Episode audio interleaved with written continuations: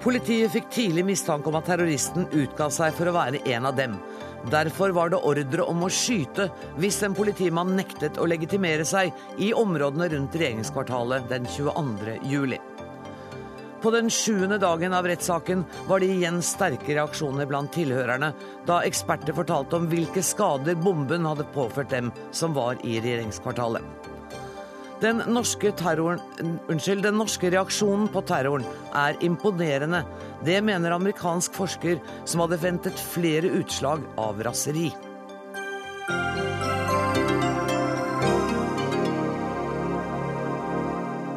Dette er Dagsnytt 18, der vi også skal høre at helseministeren har 773 millioner ubrukte sykehjemskroner på konto. Stoltenberg har bløffent om nye sykehjemsplasser, mener Høyres Bent Høie. Men også i dag starter vi med 22. juli-rettssaken, der bombeangrepet mot regjeringskvartalet sto sentralt. Per Arne Bjerke, du følger rettssaken for Dagsnytt 18, og en av dem som forklarte seg i dag, var politioverbetjent og innsatsleder Tor Langli, som snakket om hvordan det så ut da han kom til regjeringskvartalet. Da de gitt den uh, situasjonsrapporten, så lada jeg opp uh, egen, mitt eget tjenestevåpen og gikk ut av bilen. Jeg gikk inn i området her på baksida av eh, H-blokka mot resepsjonsområdet. Der lå det to stykker på bakken, meget alvorlig skadd. De hadde hvit skjorte på, på seg, så jeg regna med at de var fra, fra ansatte i, i, resepsjonen. Det var uh, satt i gang livreddende førstehjelp allerede på, på en av dem. Jeg fikk høre etter hvert at den andre var død. Per Arne Bjerke, hvilket bilde fikk du av regjeringskvartalet 22.07. under rettssaken? Du fikk jo et bilde av den katastrofen som hadde skjedd der. Da Langli kom dit bare noen minutter etterpå, så ble han da møtt av ødelagte bygninger, av røyk, av branner. Flammene sto ut av R4 på andre siden av Grubbegata. Det lå døde mennesker på gata, som vi hørte. Det var skadde mennesker som trengte øyeblikkelig hjelp. Og samtidig så var de redd for at det skulle gå av en bombe nummer to. Han fortalte i retten i dag at han skjønte at det var en terroraksjon, og man var øyeblikkelig redd for at det skulle smelle en gang til. Samtidig så var det rop om hjelp inne fra høyblokka. Hva skulle de da gjøre? Skulle de gå inn og redde de som var der, og risikere å bli sprengt i lufta? Etter noen få minutter så bestemte de seg for å gå inn for å da gjennomsøke bygningen etter overlevende som trengte hjelp. Det var mye usikkerhet om hvem som kunne være gjerningsmannen i de første tiden. Vi skal høre et annet kutt fra Tor Langlis forklaring. Vi var jo da klar over at eh, personell som i hvert fall eh, fremsto som uniformert, var eh, i hvert fall sånn som vi så det da, involvert på et eller annet vis. Og Derfor så ble det gitt instruks til samtlige som sto i sperringer, at politifolk man ikke kjente, skulle heller ikke inn hvis de ikke kunne legitimere seg. Kunne de ikke legitimere seg, så skulle de avvises. Og selvfølgelig, Hvis man må avvises, så starter man nederst på maktstigen, men i ytterste fall Det var, eh, det var eh, klarert med stab og uh, visepolitimester. I ytterste fall så skulle man bruke skytevåpen for å avvise også. Her hører vi altså innsatsleder Tor Langli forklare at uh, i ytterste fall så var det altså ordre om å skyte politifolk som ikke kunne eller ville legitimere seg. Hva visste politiet om gjerningsmannen på dette tidspunktet? Per Arne Bjerke? De visste nok ikke så veldig mye. De hadde jo sett uh, denne mannen som uh, enkelte trodde hadde en vekteruniform, andre så at det var en politiuniform. Langli sier selv at han øyeblikkelig skjønte at det ikke var en politiuniform. Så de hadde jo mistanke da om at det var en terrorist utkledd som politi. Og så gikk det jo heller ikke så veldig lenge da, før Langli over eh, kommunikasjonssettet fikk høre at det også var skyting på Utøya, og han skjønte jo da at dette måtte være en sammenheng. For som han sa i retten i dag, det kan ikke være to personer som er så gale på samme ettermiddag. Dere har også hørt sterke vitnesbyrd fra folk som var direkte berørt, som var til stede i regjeringskvartalet. Hvordan var det i dag? Nei, Det var jo mange sterke vitnesbyrd fra vaktmannskap blant annet, som har vært der. og Det, det var jo bl.a. Eh, da en av, en av vaktene Han fortalte jo da hvordan han hadde sittet nede i vaktsentralen og sett eh, bombebilen komme. og De trodde først at det kanskje var en feilparkering, noe de sliter veldig mye med i regjeringskvartalet. Men de prøvde da å finne ut hvem som satt i denne bilen. De så da at denne uniformerte personen gikk ut, og de prøvde å følge han med kameraene. Etter hvert så zoomet de kameraet inn på nummerskiltet på bilen. Da smalt det. Og vi så altså, Han så gjennom kameraene eh, hvilke enorme skadevirkninger denne bomben hadde. Han så døde mennesker ligge utenfor regjeringskvartalet. Han så skadde mennesker, han så røyken, og han så alle disse kolossale ødeleggelsene.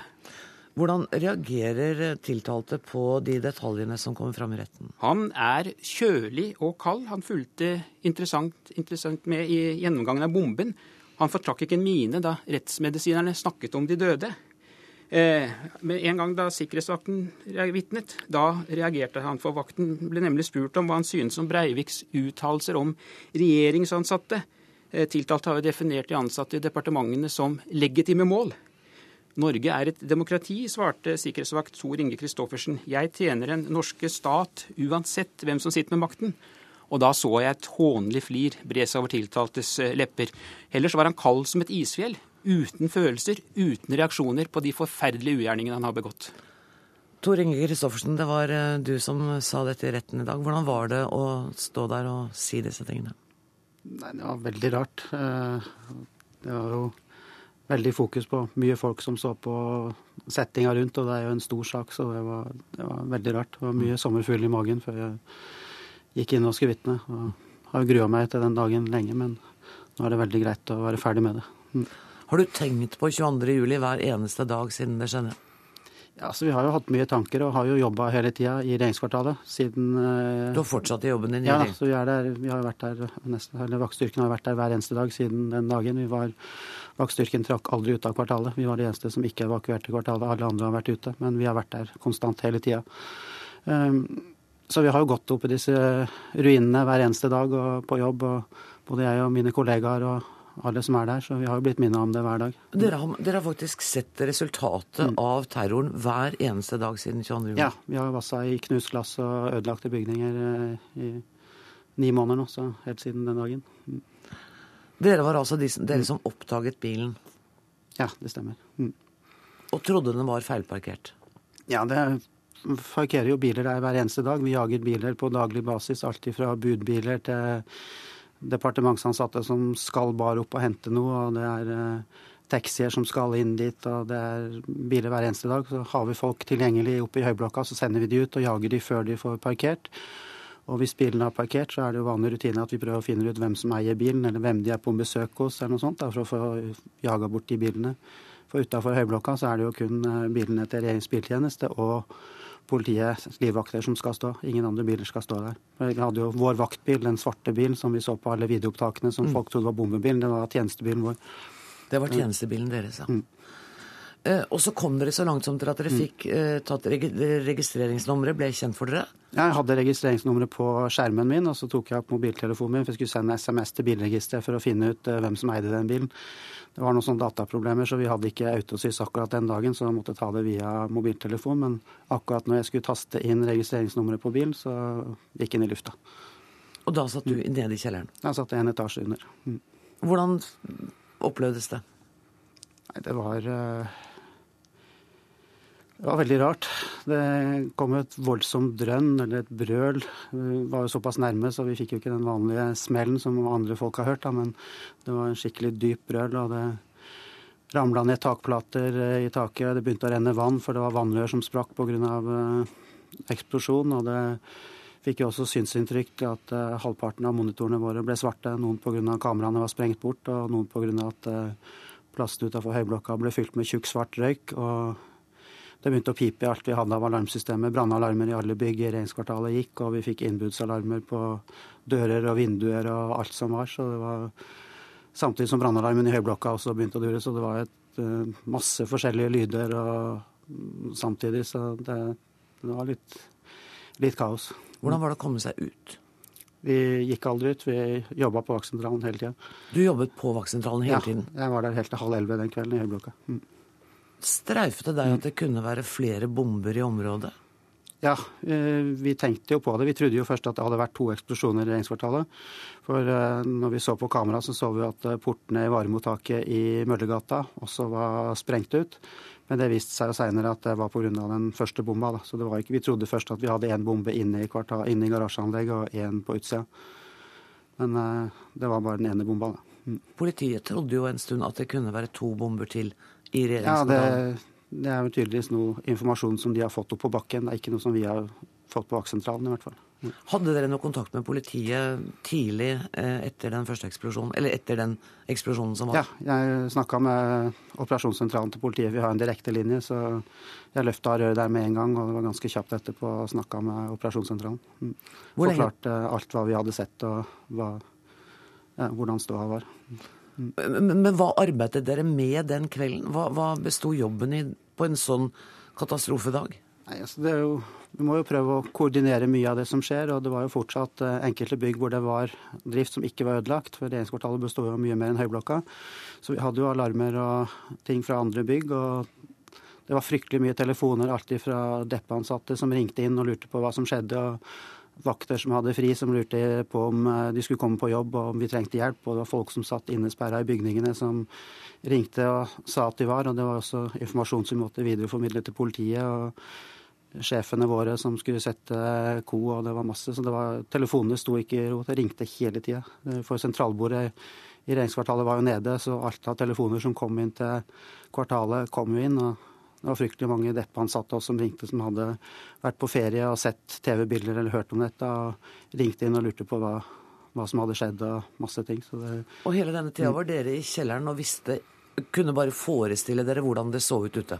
Ja, etter hvert som røyken hadde lagt seg, så fikk vi jo overblikk over eh, området. Så jo at det var enorme ødeleggelser, og det var Vi så bl.a. at det brant i R4, og at hele høyblokka var knust. og sånn. Jeg fikk jo også en Etter den første telefonsamtalen min med politiet, så fikk jeg en ny telefon fra politiet, og da sa de at de hadde fått uh, telefon fra folk som satt uh, innestengt oppe i høyblokka og ikke kom seg ut, og lurte på om jeg kunne gå på Kålingen i høyblokka. Og da ble jeg vel litt sånn oppgitt, for jeg hadde jo sett hva som sa. Så det, det er helt umulig, for Høyblokka ligger ute i Akersgata. sånn så det ut i hvert fall. Så ut som alltid Høyblokka var blåst ut i Akersgata. Tor Inge Kristoffersen, du skal ha tusen takk for at du kom og fortalte historien om igjen i Dagsnytt 18. Takk også til kollega Per Arne Bjerke, som altså er eh, vår eh, representant i Oslo tingrett, og som refererer for Dagsnytt 18. Da skal vi til Magnus Takvam, som er kommentator her i NRK, som også følger rettssaken. I dag har altså retten fått som hørte, detaljerte beskrivelser av hvordan politiet arbeidet. De første timene de har hørt beskrivelser av hvilke skader mennesker i området ble påført, og de har fått høre detaljer om bombeeksplosjonen. Hvorfor er det så viktig med alle disse detaljerte opplysningene, Magnus Akvam? Vel, Det er jo en refleks av eh, den omfattende tiltalebeslutningen, som jo går ut på at 77 eh, mennesker eh, er drept, og han er tiltalt for det, pluss 42 personer som er hardt skadet etter terrorhandlingene på Utøya og regjeringskvartalet. Så det er klart at man har hatt en tilnærming, påtalemyndigheten, til terroraksjonene ut fra en individuell betraktning, og ikke summarisk bare beskrevet ugjerningene og, og, slått dem sammen. Og Da er det klart at det, blir eh, relativt omfattende. Man skal tross alt eh, bevise hvert enkelt tilfelle, hvordan det har skjedd, hvilken rekkefølge, eh, motiv og alt dette med tilregnelighet osv. Men samtidig så, så er, er det ikke slik at det er like omfattende som om det var ett drap. Man, eh, I og med at skyldspørsmålet eh, ikke er omstridt, så er det, eh, er det, ikke så omfattende. Men med det omfanget så blir det jo ganske overveldende likevel. Ja, jeg hørte jo statsadvokat Inga Beireng si et intervju tidlig i dag morges at det er klart at pårørende vil oppleve at det liksom er liten plass til omtale av hvert hvert offer. Mm. Enhver som døde. Mm. Og samtidig så er det hensynet da til nettopp pårørende, ofrene. Det er jo respekten som gjør at vi gjør dette. fordi det forandrer jo ikke Han har jo erkjent mm. straffskyld. Han, ikke, nei, han har ikke erkjent straffskyld. Han har erkjent at de handlingene han har begått. Nettopp. Ja. Eh, så eh, det er klart at i forhold til det jeg var inne på med en slik individuell tilnærmingsmåte, så er det ut fra eh, respekt for hver enkelt, og også utad i samfunnet, at den dommen som til slutt kommer, har legitimitet, og at folket på en måte forstår omfanget av gjerningene, slik at man etter hvert kan prøve å legge dette bak seg, i hvert fall. Anders Behring Breivik har sagt at målet var å ødelegge hele høyblokken. Eh, drepe flere mennesker der. Eh, og hvis han hadde oppnådd det, så hadde han kanskje ikke dratt til Utøya. Altså, mm. Det var det han har forklart i retten. Eh, hvor realistisk var det etter den tekniske gjennomgangen dere har hatt i dag, hvor realistisk var det at, én en enkelt mann kunne ha klart det? Vel, nå var eh, eh, eksperten på eksplosiver fra Forsvarsbygg eh, veldig forsiktig med å gå utover det han helt åpenbart hadde, hadde forskningsmessig grunnlag for. Men han, da han ble presset litt, så sa han at det i hvert fall måtte vært en minst dobbelt så sterk eh, detonasjon som det som faktisk skjedde og at eh, høyblokka eh, ble beskrevet som svært solid. slik at jeg opplevde nok at det å, å greie det med en enkelt bombe på den måten eh, var relativt urealistisk. I dag har også retten bestemt at NRK ikke får vise bilder av tiltalte uten lyd, slik vi hadde søkt om, for å se hans reaksjoner på forklaringene. Hvilke konsekvenser får det for TV-sendingene? Ja, Det er klart, det betyr når uh, vitnene fra Utøya og uh, fra regjeringskvartalet for så vidt uh, forklarer seg, så får da ikke uh, TV-seerne hjemme i stua se reaksjonene på, på, på TV-bildene.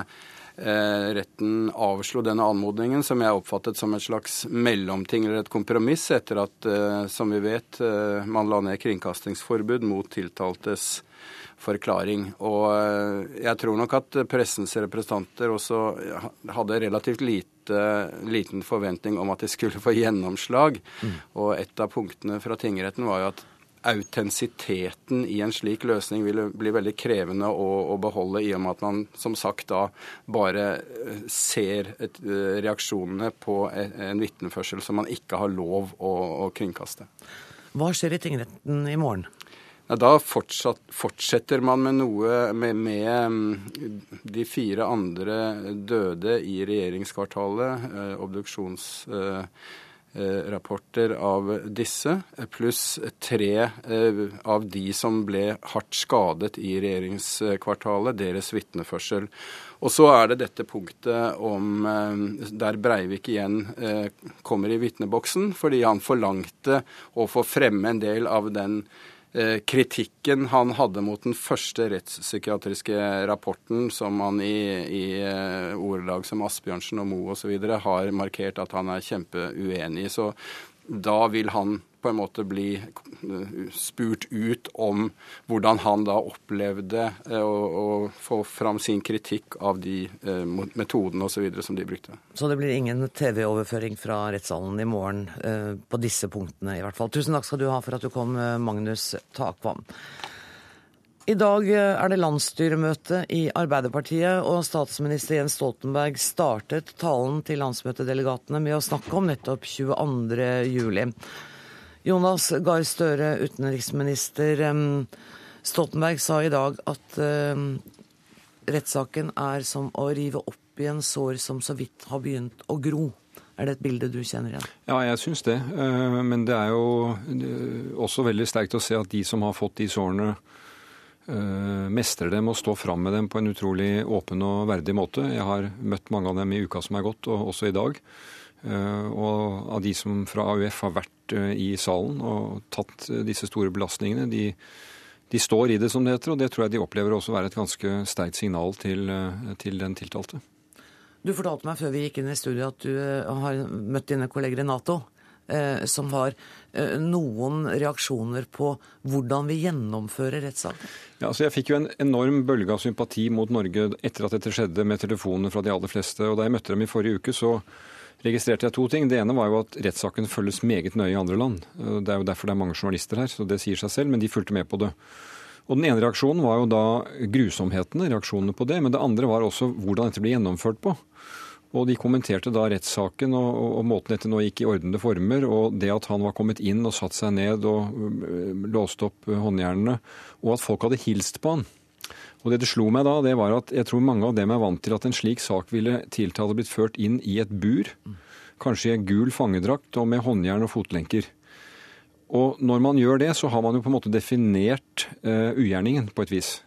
Alt det du da ser er et menneske i bur. Men når du da Når vi ser i Norge at han sitter ned i en stol, tar av seg håndjernene, og blir, så, så, blir det på en måte enda råere, for da er det et menneske som sitter der, og menneskelige handlinger vi skal vurdere. og uh, Det var mange kommentarer da til måten den rettssaken var lagt opp på. og De fleste av de kommentarene syns jeg Norge skal ta til seg som et uh, kompliment til hvordan rettsstaten vår fungerer.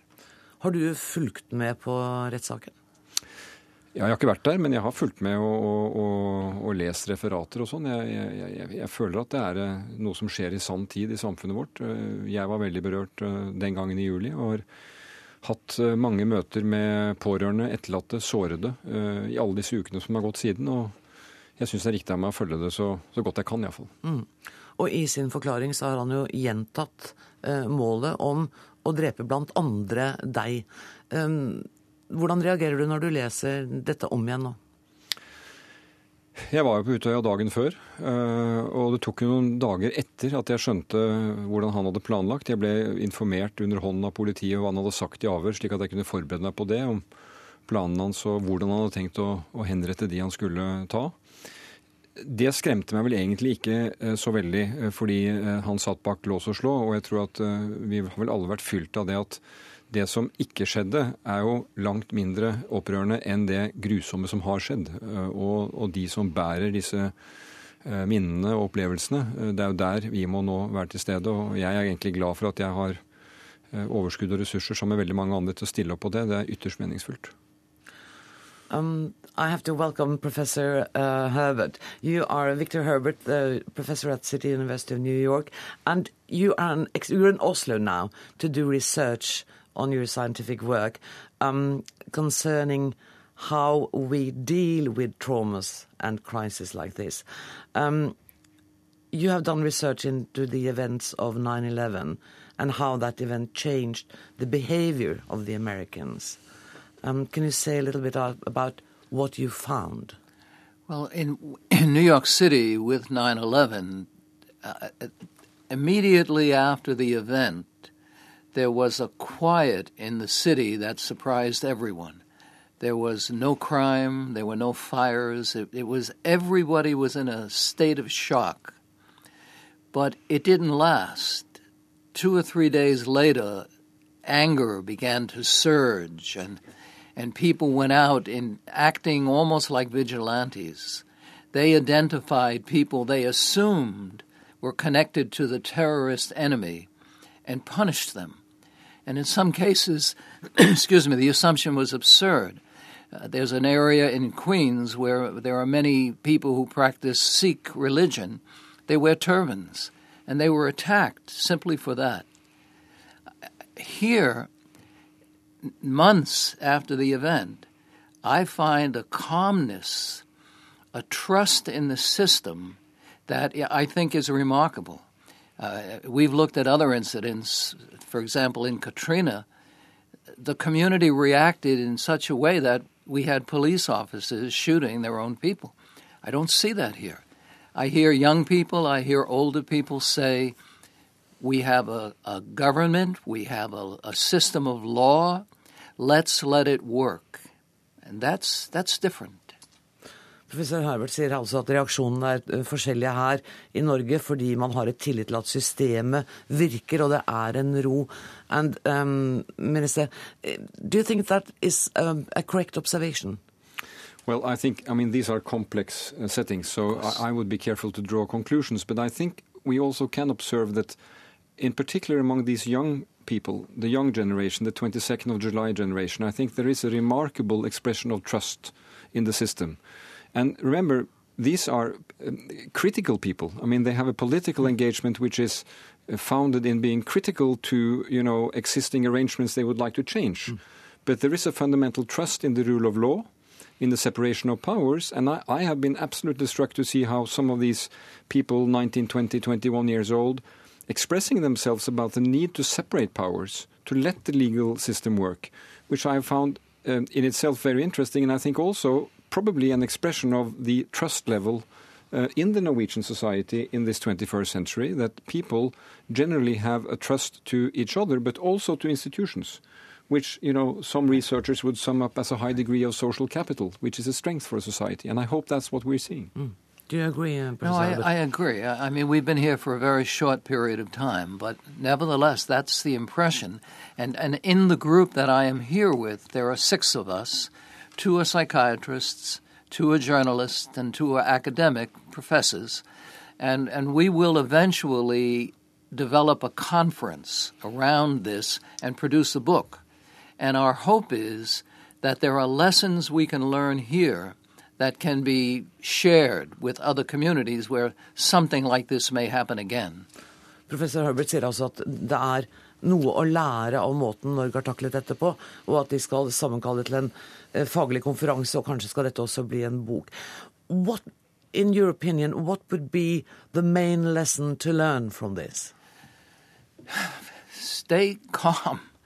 You know, stay in control. And, and, and it's I've, so difficult, though. Oh, is it? I, I mean, how many of us have said to ourselves, I'm going to lose some weight, I'm going to stop smoking, I'm going to be nicer to my wife? but uh, the power of the intellect can never dominate the emotion, the feeling. And, and it's just remarkable now that, that the next couple of months, I think, are going to be very difficult for people. The trial is going on, the anniversary is approaching. Uh, feelings that people have been able to quiet are going to surge. De neste månedene kommer til å bli svært vanskelige for alle i Norge, mener professor eh, Herbert, eh, og at man kommer til å få opp igjen mange av de vonde følelsene. Det er vel det du, utenriksminister Sorry, that's, that's what you're talking about, isn't it?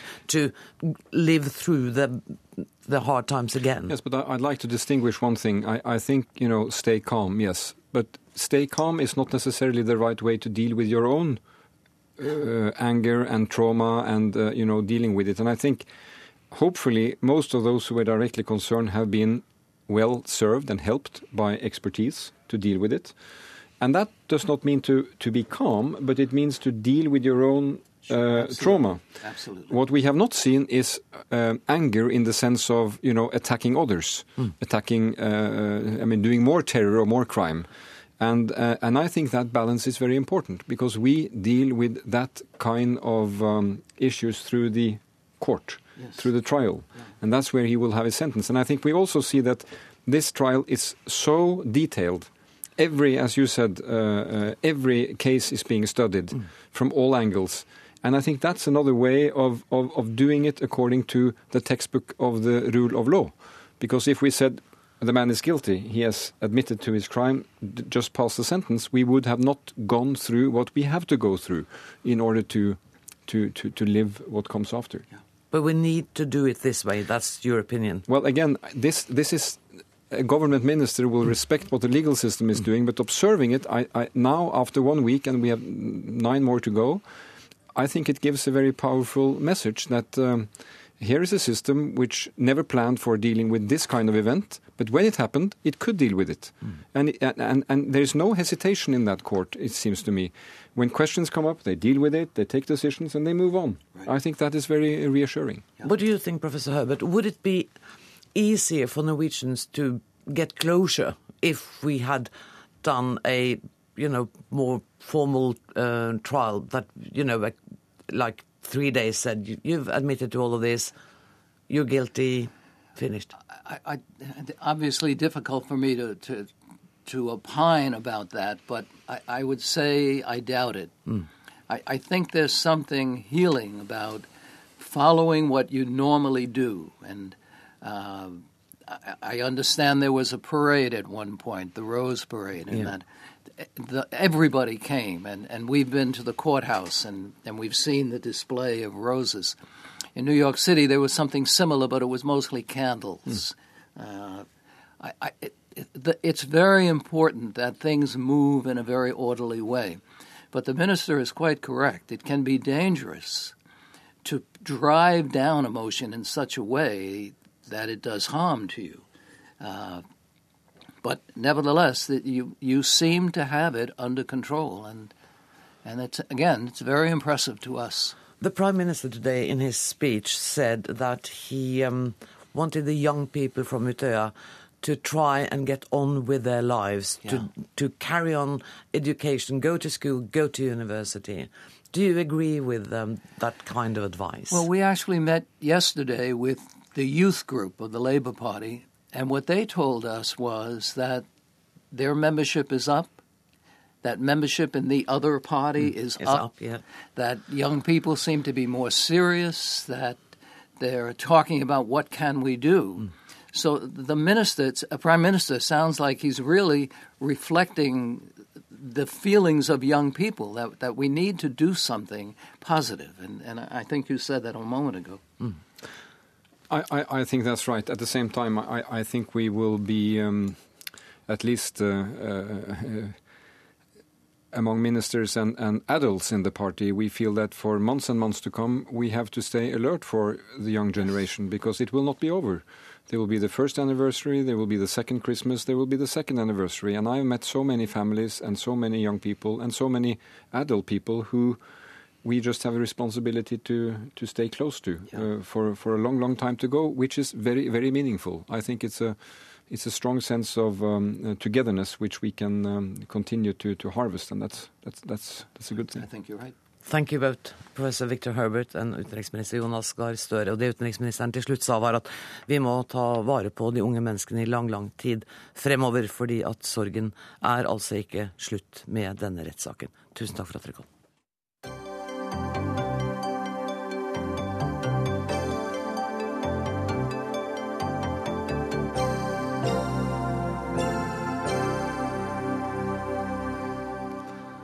Kraftig temaskifte i Dagsnytt 18 også i dag. Under valgkampen i 2009 lovet statsminister Jens Stoltenberg 12 000 nye sykehjemsplasser og omsorgsboliger innen 2015. Alle som ville ha sykehjemsplass skulle få det, sa han den gang. Men ved årsskiftet sto altså 773 millioner kroner satt av til dette, ubrukt på konto. Og investeringene har ført til maks 1000 nye sykehjemsplasser, ifølge NRKs beregninger. Helse- og omsorgsminister Anne Grete Strøm Eriksen, dette er ikke riktig godt nok, er det vel? Nå er det slik at eh, vi er halvveis i den utbyggingsperioden, eh, eller den perioden hvor vi har sagt så godt frem til 2015. Og ved halvgått løp så, vi, så har vi faktisk eh, eh, delt ut halvparten av disse tilskuddene. Og det vi har lovet, det var at vi skulle gi tilsagn om tilskudd til bygging. For vi visste jo at det ville ta lengre tid enn til 2015 å bygge de 12 000 plassene. Men så har vi i tillegg sagt at vi skal sikre full sykehjemsdekning og omsorgsboliger, og det står vi jo selvfølgelig ved. Hvor mange nye sykehjems- og omsorgsplasser er det blitt siden 2009? Altså vi har eh, eh, Det som er ferdigbygget, det er ikke så veldig mange. Det er mellom 2000 og 3000 eh, plasser. Men det som er viktig her, er jo å se på planleggingen til kommunene. Og de har planlagt for omtrent halvparten av disse 12 000. Og vi er ved halvgått løp. Men det er helt klart at vi trenger at kommunene også er med og bygger ut for at vi skal nå målet. Fordi dette gjelder ikke bare frem til 2015. Den store utbyggingsplanen her, den dreier seg jo om å ta det, det økte behovet som kommer i eldreomsorgen frem mot 2020. Jo, Men det var det ikke frem til 2015. Vet du hva, Kan vi ikke bare høre mm. på? For jeg husker ikke helt, og jeg har ikke hørt dette klippet. Men statsminister Stoltenberg sa noe om 12 000 nye sykehjemsplasser i eh, valgkampen i 2009. Vi sørger for at vi nå bygger ut nye plasser, at vi ansetter tusenvis av nye mennesker i eldreomsorgen. Vi er foran skjemaet når det gjelder 10 000 i årsverk. Vi har lagt fram eh, tilskudd til å bygge 12 000 nye plasser. Nei, du hadde rett. Han sier ikke innen 2015 i akkurat Nei, dette kuttet. Sant? Han sier at vi skal legge, eh, gi tilskudd til 12 000 nye plasser, vel vitende om at det tar lengre tid. Men det skal ikke være noen tvil om at vi vil bygge ut eldreomsorgen. Og dette er en viktig sak for oss. Det er viktig at de som har behov for sykehjemsplass eller omsorgsbolig, faktisk får det. Bent Høien, du er leder i helse- og omsorgskomiteen på Stortinget og representerer Høyre. Er du fornøyd med den forklaringen du nå har fått fra statsråden? Nei, det er jeg ikke. Dette er jo en av eh, valgkampens virkelig store bløffer. Eh, helseministeren fortsetter å bruke begrepet 12 000 nye plasser. Vel vitende om det at begrepet brukes for å villede og ikke veilede velgerne. Alle som hører helseministeren nå, alle som hørte statsministeren i valgkampen, trodde det var snakk om 12 000 flere plasser. Fordi at en bruker ordet nye, så tror en at det er flere. Men i realiteten så er det store flertallet av disse plassene i realiteten eksisterende sykehjemsplasser, eldreboliger, omsorgsboliger, som blir eh, oppgradert, ombygd, rehabilitert. Eh, sånn at det er ikke kommet mer enn under 1000 nye plasser siden 2007. Mens den omsorgsplanen som regjeringen selv la fram, antyder at det var behov for 3000 flere plasser i året fram mot 2030. Jo, men altså nå, eh, altså det, her, der, Kommunene har en stor bygningsmasse, og mye av den kunne ikke vært brukt.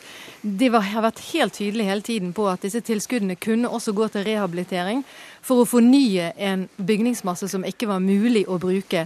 Så jeg vil, når, når hele utbyggingsperioden er ferdig, så tror jeg nok vi vil se at det er mange flere netto nye plasser. Eh, men her er det hele tiden kommunene som må vurdere, og vi har også sagt i Soria Moria-erklæringen at dersom kommunene ser at det er behov for flere plasser enn det som allerede ligger i de 12 000 nye tilsagnene, så må vi eh, komme tilbake til det. Vi er opptatt av at kommunene skal kunne nå målet sitt. Derfor har vi økt tilskuddene, vi har økt satsene, eh, og vi har også gjort ordningen mer fleksibel. Og vi ser jo nå at kommunene satser mer og bygger mer ut. Høie.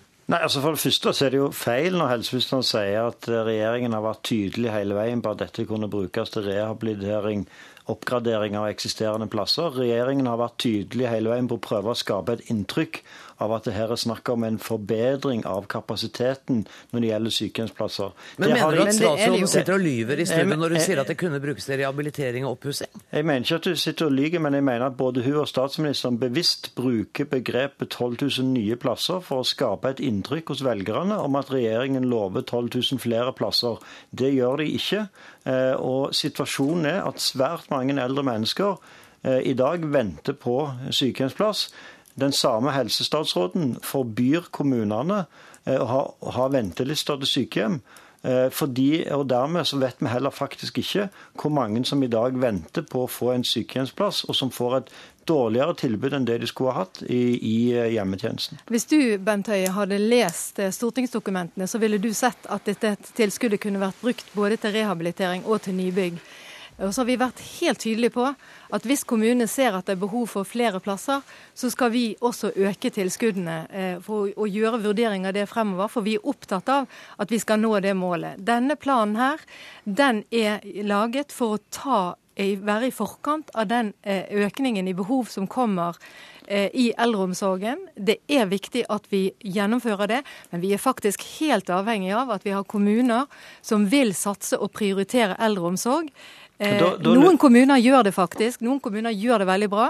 Eh, og Derfor har vi også satt i gang et utviklingsprosjekt eh, i regi av Fafo og NIBA for å se hvorfor klarer noen kommuner å gjennomføre dette, mens andre da, kommuner ikke gjør det. Da har jeg et enkelt spørsmål til helse- og omsorgsministeren. Hvor mange flere og understreke flere heldøgns pleie- og omsorgsplasser mener helse- og omsorgsministeren det er behov for før 2015 for å imøtekomme økningen i antall eldre i Norge? Det er, det er, slik, eh, og det er Bent Høie veldig godt kjent med, at vi har sagt at vi skal gi tilsagn til disse 12 000 nye plassene. Det er ikke det jeg spør om, helse- og omsorgsminister. Hvor det, mange det flere plasser bare, mener du det er behov for før 2015? Det er faktisk bare kommunene som kan svare hvor mye de mener det er behov for. Men vi har sagt at det ligger 12 000 tilskudd. Og hvis kommunene mener at de har behov for mer enn det, så vil vi vurdere å øke dette. Det er vi veldig tydelige på. For vi ønsker å komme i mål med eldreomsorgen. Det er faktisk veldig viktig at vi klarer å bygge ut både sykehjem og omsorgsboliger. Men da må kommunene faktisk gjøre jobben få lov å komme inn med et lite spørsmål? For Vi har også vært i kontakt med ordfører i kommuner som sier at altså, investeringen er nå vel og bra, men vi må ha penger til drift, og det har vi ikke. Det er jo også en sannhet med modifikasjoner. Det har faktisk vært en økning i kommuneøkonomien med 50 milliarder i løpet av disse årene. Eh, vi har også sett at kommunene har prioritert omsorgssektoren sterkt ved at de har ansatt 22 000 nye ansatte.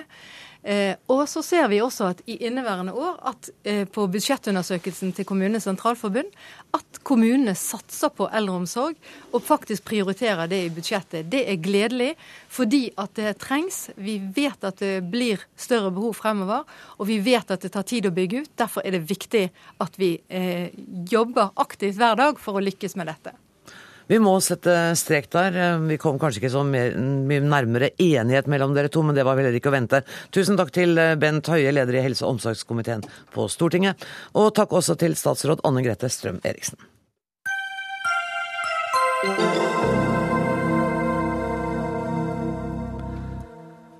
I dag falt dommen mot moren til Kristoffer Gjerstad Kile. Gutten som ifølge retten ble mishandlet til døde av sin stefar i 2005, bare åtte år gammel. Moren ble kjent eh, skyldig i passiv medvirkning til vold, og dømt til fengsel i to og et halvt år. Det har fått Høyre til å ta fram sin opptelling av bekymringsmeldinger fra 2010, som viser at under 7% av voldsmeldingene til barnevernet kommer fra barnehagene. Linda Helleland, familiepolitisk talskvinne i Høyre.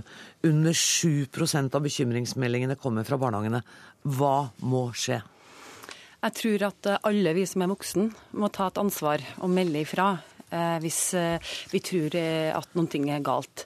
For det her handler først og fremst om, om, barna, og at barna skal ha muligheter til et trygt og godt liv. Men, men i barnehagen Det er da ikke noen ny idé at vi alle skal ta ansvar. Det har altså ikke fungert. 7% kommer fra barnehagene, og det finnes ikke noen total oversikt over hvor mange meldinger som er bekymringsmeldinger for barns forhold til vold. Det er riktig.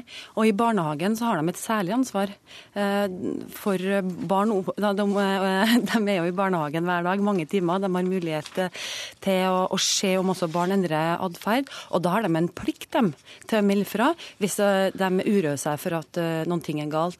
Det som vi i Høyre ønsker, vi ønsker mer fokus på kompetanse og øke kompetansen til dem som jobber i barnehagen. Jeg tror mange av dem føler seg utrygge. Terskelen er høy for å, å melde om noen foreldre, og jeg tror mange føler nesten at de, de tyster på noen, ikke sant. Men tryggheten den kommer gjennom økt kompetanse. Og det handler ikke minst om at i utdannelsen, når vi utdanner førskolelærerne våre, så må de få nok kunnskap i hvordan de skal håndtere eh, og se etter symptomer på at barn er utsatt for vold eh, eller overgrep. Kristin Halvorsen, dette er vel et av feltene hvor du er hjertelig enig med Høyre, nemlig at man skal sørge for at barn ikke utsettes for vold. Hvem har ansvaret for kompetansen til de menneskene som tar vare på barna våre? Ja, det, har, det meste av dagen? Ja, det har vi, og det har de, alle de som driver med førskolelærerutdanning. Og vi har et veldig klart lovverk som sier at man har plikt til å melde fra til barnevernet hvis man har mistanke om at det foregår mishandling. Og heldigvis har det etter hvert også blitt sånn at barnehageansatte får tilbakemelding fra barnevernet, fordi der var det noen skranker før som gjorde at de visste ikke hva som skjedde med det.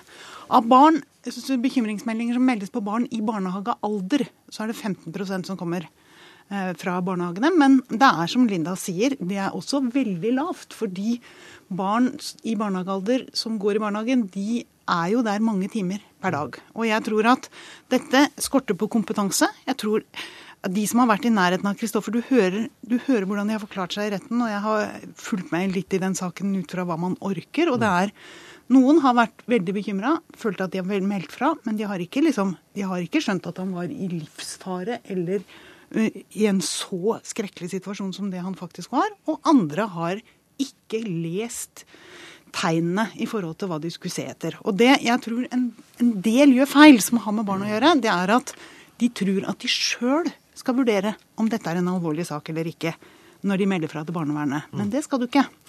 Lærere og barnehageansatte som har mistanke om at barn er utsatt for overgrep, de skal melde fra til barnevernet, og så skal barnevernet vurdere for det er de som har kompetansen til å vurdere. Det du sjøl har plikt til hvis du er i en sånn situasjon, det er å melde fra om din bekymring, ikke å avgjøre saken. Mm.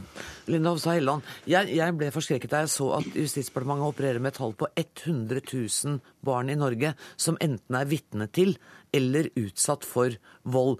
Og Da tenker jeg da er det liksom litt stusslig med tiltak som skal heve kompetansen hos barnehageansatte. Det må jo det må jo mye mer til? Selvfølgelig, men det var det jeg innleda med, at alle voksne har vi et ansvar. Men hvordan skal vi få til det? Jo, men da må, vi, da må vi begynne, for vi må sette inn eh, ressursene og tiltakene tidlig. Og da begynner vi i barnehagen. Uh, og små barn de er jo som ofte sammen med sine foreldre, og kanskje i familier der vold og overgrep skjer, så er det også lite dårlig med sosial kontakt rundt familien. Og da er barnehagen de som er nærmest barna til å si fra. men jeg tror at veldig mye er gjort også hvis at barnehageansatte eh, får mye mer trygghet eh, i det å se etter symptomer, og det å føle at man står støtt, også når man, eh, man da varsler eh, om, eh, om en sak. Arild Olsen, da skal vi ha med deg. Du har sittet uh, høflig stille i Bodø. Du er administrerende direktør i Private Barnehagers Landsforbund. Uh, hvordan, hvordan, hvordan, kommenterer du det som du har hørt fra Studio i Oslo nå? Er det manglende kompetanse hos barnehageansatte som er ett av problemene? Ja, uten tvil. Det er klart Manglende tilbakemelding fra barnehagene har vært et kjent problem i mange mange år. Eh, og det har eh, vært snakka om at man skulle gjøre noe med det. og Jeg er enig med Olinda Helleland at eh, nå må man slutte å snakke, og så må man begynne å tilføre kompetanse. Det er helt sant som det er sagt, førskolelærerutdanninga har vært for dårlig. De siste evalueringene av utdanninga viser at den er for dårlig.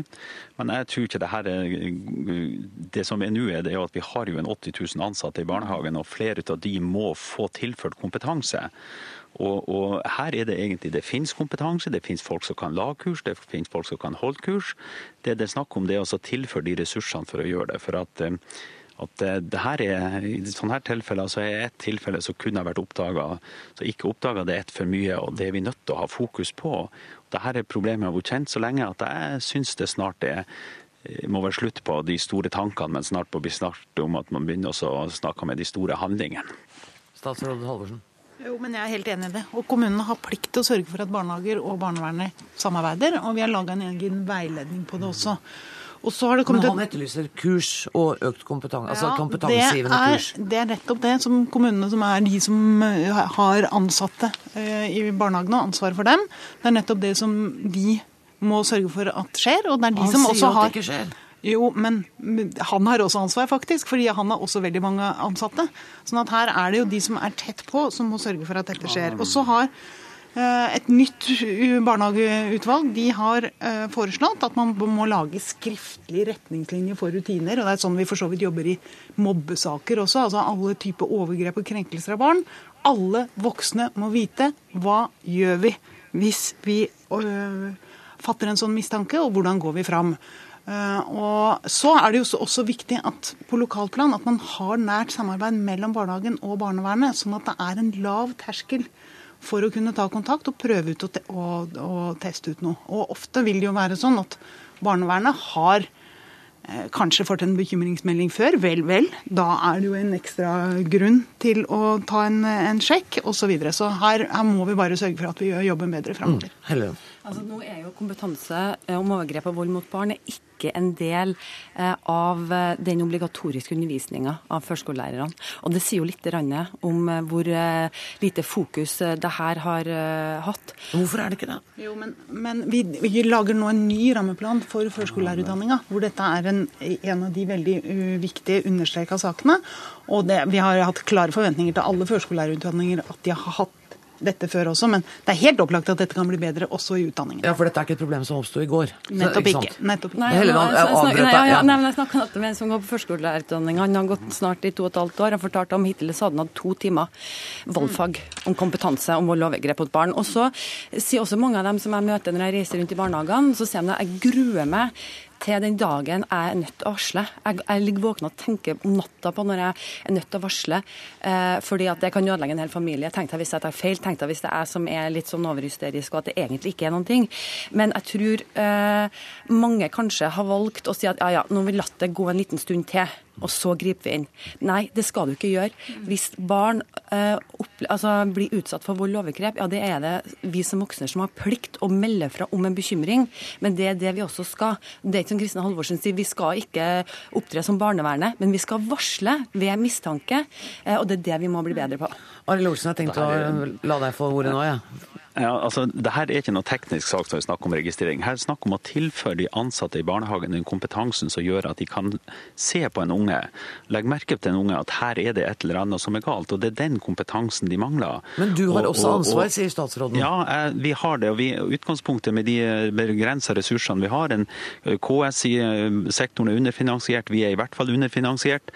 Vi kjører kurs, vi gjør det, men det er klart at vi når altfor få. Og, og Problemet er at dette må gjøres obligatorisk. For det vi opplevde er at de som har kompetanse, litt kompetanse, søker mer. Men det er alle de som ikke har kompetanse, som ikke søker det, og som ikke må søke det.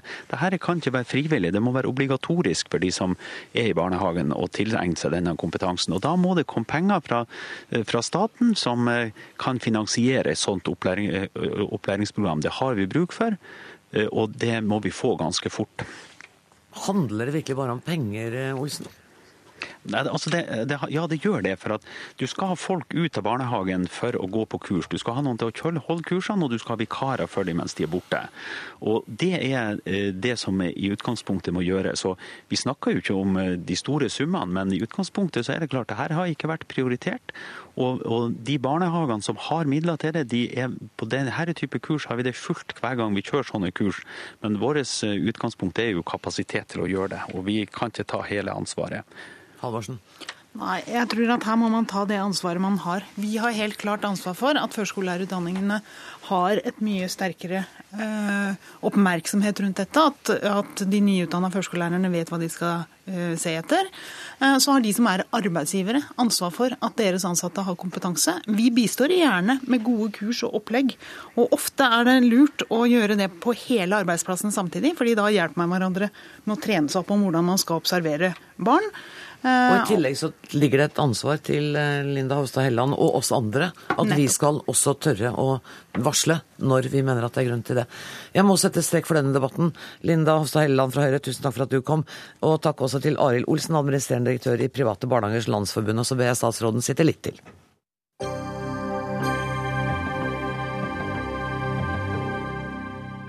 Når vi først har deg her, så kan vi i hvert fall bruke deg et par saker, Kristin Halvorsen. For, for, første gang i historien så skal unge matematikktalenter dyrkes og få sine egne matteklasser. Fra i høst skal 100 av Oslos skarpeste mattehjerner, 13-åringene, samles i egne klasser. Og statsråd Kristin Halvorsen, du har kalt dette tilbudet direkte skadelig. Det må du forklare. Det er fordi at å gi et tilbud til 100 av ca. 16 000 elever i ungdomsskolen i Oslo som uh, Høyre har ansvaret for, det er jo å gjøre matte til noe veldig sært. Noe som det er helt spesielt få som kan bli skikkelig gode i, og det er helt feil. Uh, ca. 17% av elevene i ungdomsskolen sier at de ønsker seg større utfordringer. De føler at de sitter der og gjentar og gjentar de samme gamle oppgavene som de, er, som de vet at de kan. Og det vi vet fra internasjonal forskning og fra norske erfaringer, det er at det som virkelig gjør at de blir bedre, det er at de får et tilbud i de klassene de går, hvor de f.eks. kan følge matteundervisning på videregående nivå.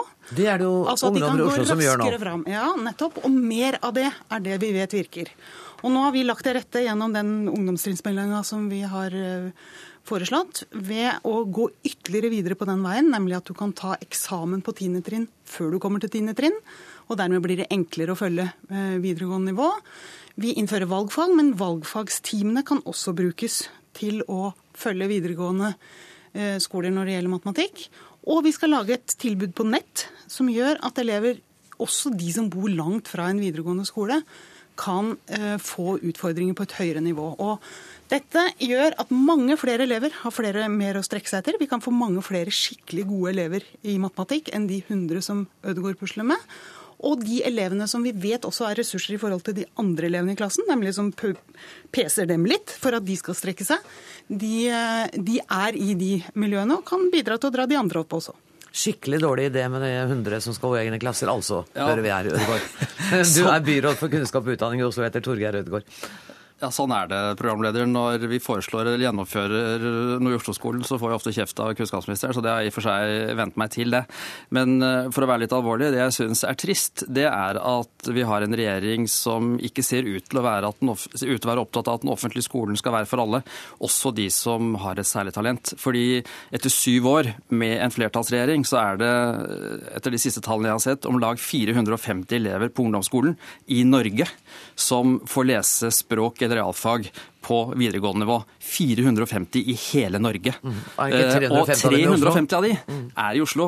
Det er ikke et tall som jeg syns vi skal klappe for, for Oslos del heller. Men det sier jo at vi har en regjering som ikke har vært opptatt av å legge til rette for at den offentlige skolen skal være for alle, også de som har et særlig talent. Og istedenfor å bare sable ting ned og si at dette er skadelig eller nerdete, så hadde det vært ålreit, syns jeg, om man kunne diskutere med regjeringen hvordan vi kan komme videre, og hvordan vi kan utvikle skolen mer for alle. Og Jeg har lyst til å ramme dette litt inn. fordi det er sånn, i Oslo iallfall, så er det de store pengene og de store ressursene og den store innsatsen bruker vi på å prøve å utfordre alle elevene. Og jeg mener at den viktigste oppgaven Oslo-skolen har, og norsk skole har, er å bidra til sosial mobilitet. Altså løfte de elevene som strever. Det mener jeg er jobb nummer én for Oslo-skolen og for norsk skole. Men i tillegg til det, den store innsatsen som er rettet mot alle og mot de som strever, så mener jeg også at den offentlige skolen bør anstrenge seg mer for også å gi et tilbud til de som har et særlig talent. Og det kan gjøres på mange måter.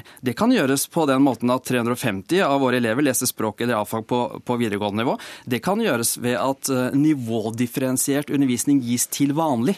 At ikke det er noe spesielt. Hva er nivådifferensiert? Ja, at man får oppgaver som er tilpasset det nivået man er på. At man Å ja, ikke både egne klasser for oss dumme og så noen for de ikke egne klasser for oss dumme og noen andre klasser for de som er flinke. Eh, Det kan gjøres på mange forskjellige måter. I små grupper, i store grupper. Det kan gjøres utenfor skolen. I forrige uke så var jeg i København. Der har de et vitensenter.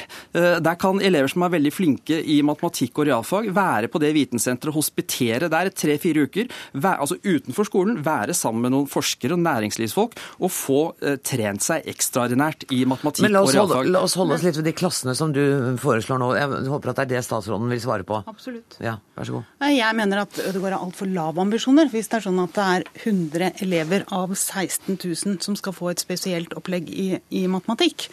Fordi da underkommuniserer vi det store problemet vi har når det gjelder matematikk og, og realfag. Nemlig at veldig mange elever kan bli veldig mye bedre.